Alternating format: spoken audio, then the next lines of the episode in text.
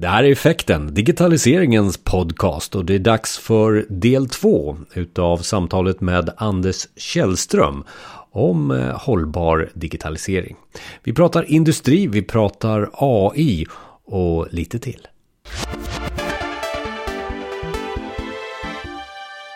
Om, om du tar det här med prediktion av haverier, alltså att få allting att funka. Vi har då sagt att låt underhåll göra det. Alltså underhåll var förr i tiden en gubbe som gick runt med en skiftnyckel och bytte, drog åt muttrar och bytte packningar. Men om man byter, pensionerar den gubben och så anställer man avancerade teknologer som kan både digital och analog teknik. Då kan de prediktera fel innan felen leder till haverier. Eh, och då är ju grejen den att ledningen säger väldigt ofta att underhåll är ingen ledningsfråga. Du kan inte ha ett seminarium om underhåll med ledningen. Men nej, inte, inte om, om att någon går runt och byter packningar med en skiftnyckel. Men om det här däremot, alltså att prediktera haverier så att anläggningar alltid fungerar. Men då måste ledningen säga ja, det är en ledningsfråga. Eh, och då är det egentligen, eh, vi, vi skojar ibland, alltså det, det, gamla underhållet i Nisse med hinken, det var någon som sa det, att i vårt företag så är det gubben heter Nisse, han går runt med en hink och i hinken har han verktyg och de, företaget inte ens kostar på dem en riktig verktygslåda. Eh, och om man, om man ser liksom på det och är kvar i den världen fortfarande så tackar man ju nej till kunskap om det här området. Men det här är nu ett forsknings, stora forskningsområde inom Luleå tekniska universitet och inom Chalmers bland annat. Och det, det håller på att hända jättemycket och det kommer att förändra nästan allting. Och det, jag menar det här med haverier, alltså att en anläggning, ett pappersbruk eller en bilfabrik stannar, det kostar enormt mycket pengar, både tekniskt men även anseende på marknaden. Och om man kan få prylarna att alltid funka, Eh, tåg kommer alltid i tid och flygplan startar alltid och bilar går alltid, så är det ju en enorm vinst. Va? Och det är absolut en ledningsfråga, det är belopp i den storleksordningen att det här borde management ägna sig åt. Och det här med management också, när man säger AI, är inte det väldigt, väldigt eh, för jobbigt för, för ledningen att förstå? Jo, men det, AI går att förklara ganska fort. Jag, jag, eh, får ju det uppdraget varje gång. Kan du inte säga någonting om AI? Och jag har en ganska, vågar jag påstå, komplett förklaring om AI och jag gör det på en halvtimme. Och jag har eh, dratt det även för AI-experter på universitet och de säger att den förklaringen är faktiskt ganska komplett. Så som så ofta vet du med så, så är på en nivå är det ganska enkelt som så mycket i livet. Eh, sen på en annan nivå så kan man ju använda detta på fantastiska sätt och konsekvensen av användningen och det här med singularitet. Jag förstår ju att du kan alla de här orden. Va? Mm. Eh, och, alltså existentiella frågor om eh, det, det, finns ju forskning som jag tycker är jätteintressant om det här med en klok ingenjör. Vad är, vad är, vad är man om man är klok? Och om den biologiska hjärnan och den biologiska intelligensen har ju en förmåga att ha ett omdöme, ett förstånd, att vara klok, att känna empati, att göra estetiska bedömningar. Eh, AI gör inte något utav det. Och frågan är om vi då flyttar över intelligensen från hjärnan till AI, vad går vi då miste om?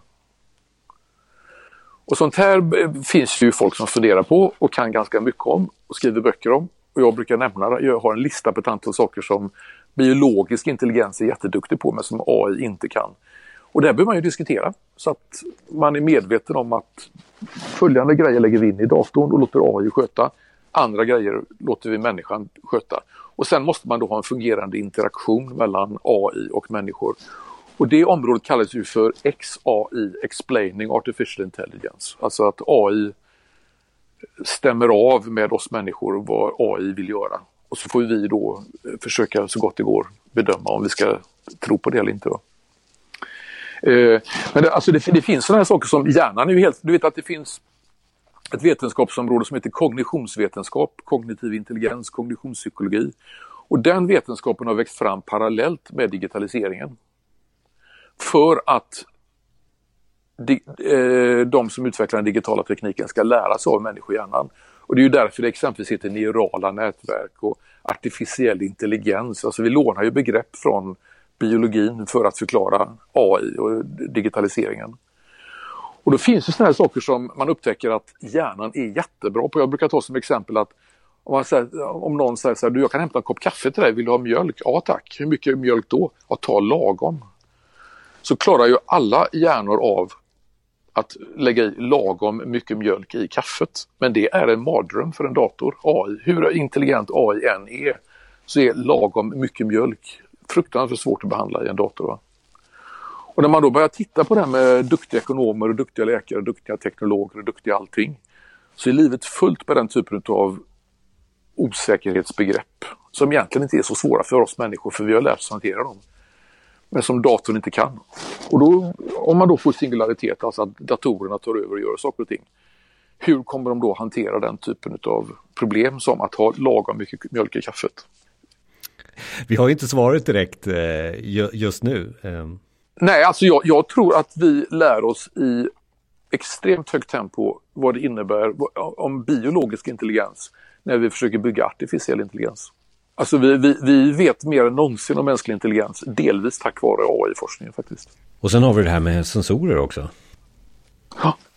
Alltså om, om, man, om man tar då, alltså läkarna pratar om biomarkörer. Alltså nästan alla sjukdomar genererar biomarkörer. Om man har en sensor inopererad i kroppen som upptäcker den biomarkören tidigt så är alla sjukdomar lättare att bekämpa än om man ska vänta på att patienten känner sig sjuk och ringer en läkare själv. Så att troligen så kommer ju patienter i framtiden, eller människor, alla medborgare kommer att erbjudas en multisensor i kroppen som hittar biomarkörerna från de vanligaste sjukdomarna. Och samma sak gör man då inom teknologin och då har vi valt att kalla det för teknomarkörer bara för att liksom markera parallellen till eh, medicin. Alltså medicin och teknik jobbar exakt likadant, det är exakt samma algoritmer. Va? Eftersom det handlar om matematik i, i databaserna.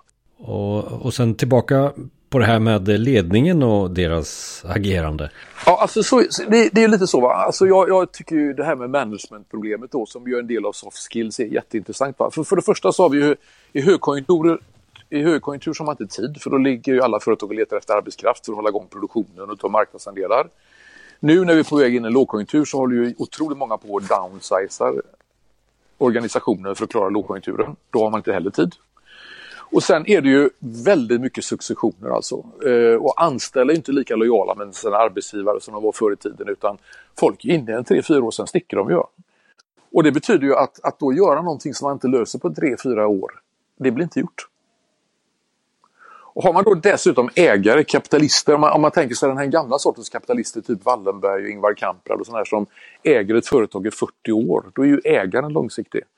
Men om man har eh, finansiella kapitalister, alltså som eh, går in och köper ett företag i tre år och sen säljer, eh, så kommer ju inte de heller att driva de långsiktiga frågorna. Så att alltså, digitalisering går ju extremt fort, ändå är kortsiktigheten ett stort problem.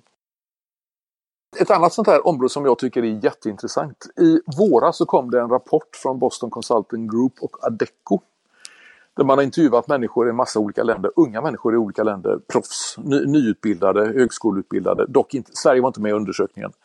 Men det visar sig ju att de unga generationen inom många yrken räknar med att omsätta sina kunskaper vart femte år.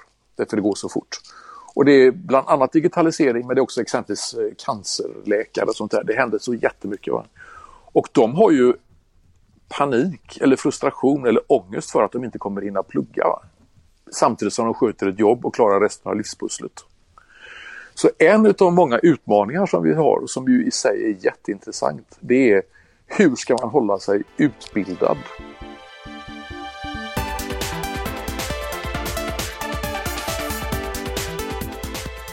Du har lyssnat till del två utav ett avsnitt med Anders Källström här i digitaliseringens podcast. Det här är effekten.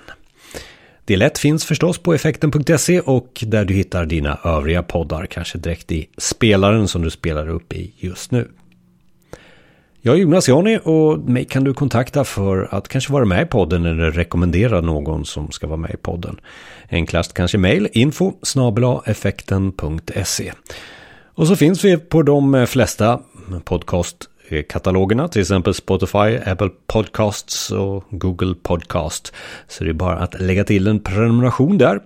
Då hjälper du oss att se eh, vad det är för någonting du tycker om och vad du inte tycker om för typ av ämnen. Och då kan vi öka och minska i, i de ämnena som vi har. För vi har ju över hundra avsnitt nu och de finns där utlagda där du eh, lämpligen lyssnar. Vi hörs nästa gång.